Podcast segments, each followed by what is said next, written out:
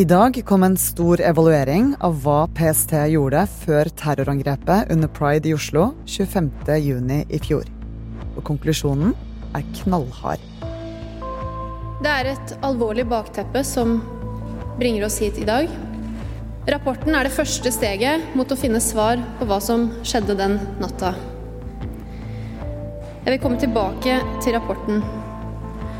Men jeg vil gjøre det helt klart at den skal følges opp umiddelbart. Du hører på Kort forklart fra Aftenposten, en rask oppsummering av det du trenger å vite. Jeg heter Synne Søhol. Det er torsdag ettermiddag, 8. juni. Andreas Bokkefoss, journalist her i Aftenposten. Du fulgte med da rapporten ble lagt frem i dag. Hva er det viktigste å vite her? Det aller viktigste å vite er at denne rapporten slår fast at uh, angrepet 25.6 i fjor kunne ha vært uh, avverget dersom uh, Politiets sikkerhetstjeneste da hadde løst ting annerledes i månedene og dagene før angrepet skjedde. Hvordan da, egentlig? PST hadde jo allerede for flere år siden eh, identifisert eh, Sanyar Matapour, dette er mannen som nå er siktet for dette angrepet. De visste at han var i kretsen til eh, den kjente islamisten Arfan Bhatti, som også nå er siktet for dette angrepet. Det utvalget mener er at eh, PST kunne ha opprettet det som kalles en forebyggende sak ganske tidlig. Og det kan de dersom de mener det er grunn til å undersøke at noen forbereder noe som er ulovlig. Og det gjorde PST aldri, og utvalget mener jo at hvis man hadde opprettet en sånn forebyggende sak på Matapour, så kunne man rett og slett ha oppdaget eh, at han planla å gjøre noe.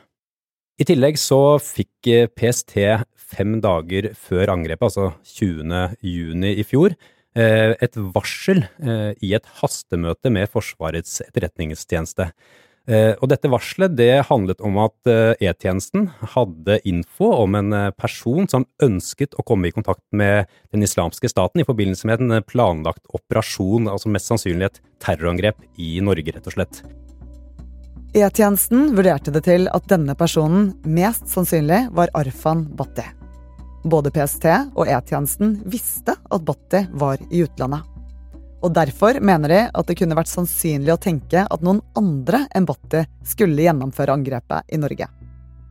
Dersom PST hadde gjort den jobben og undersøkt eh, hvem som kunne eh, ha utført et sånt angrep i Norge, og som var i Norge, så mener utvalget at de ville ha identifisert eh, Matapour.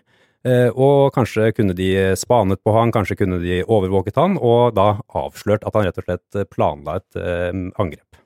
Men det eh, ble aldri gjort fra PST. De gjorde aldri en sånn undersøkelse, selv om de hadde et sånn varsel. Utvalget bak rapporten de tar en del forbehold og skriver blant annet eh, tydelig nettopp at angrepet muligens kunne vært avverget, men er det det samme som at det burde vært avverget? Nei, det er ikke det samme, og det er viktig å, å skille de tingene. Ehm, det utvalget sier, er at eh, gitt en del forutsetninger, og gitt at man hadde løst ting annerledes enn man faktisk gjorde, så kunne man ha klart å, å stoppe Matapour fra å gå til angrep den uh, natta. Men samtidig så kan man jo ikke si at dersom man gjorde alle de tingene, så ville man klart å avverge det. Det er helt umulig å, å si. Samtidig så er utvalget ganske tydelig på at dersom PST Eh, etter å ha fått all den informasjonen de hadde, og hadde gjort en del grep, så ville man høyst sannsynlig klart å avdekke Matapour. Og da kan man jo også tenke seg at han heller aldri hadde fått muligheten til å eh, gå ut i gata og, og, skyte som han faktisk gjorde. Og reaksjonene på denne rapporten har vært eh, ganske sterke. Eh, hvilke konsekvenser kan komme nå?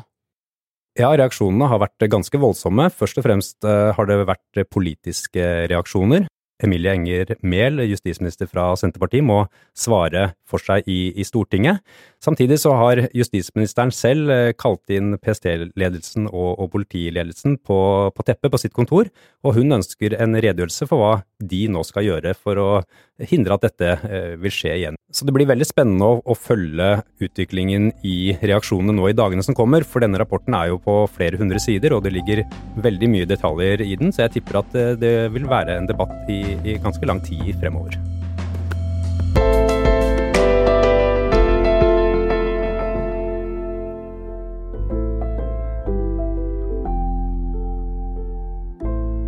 Du har hørt en podkast fra Aftenposten.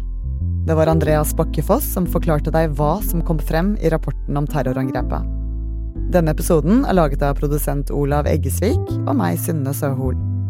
Lyden du hørte, er fra VGTV.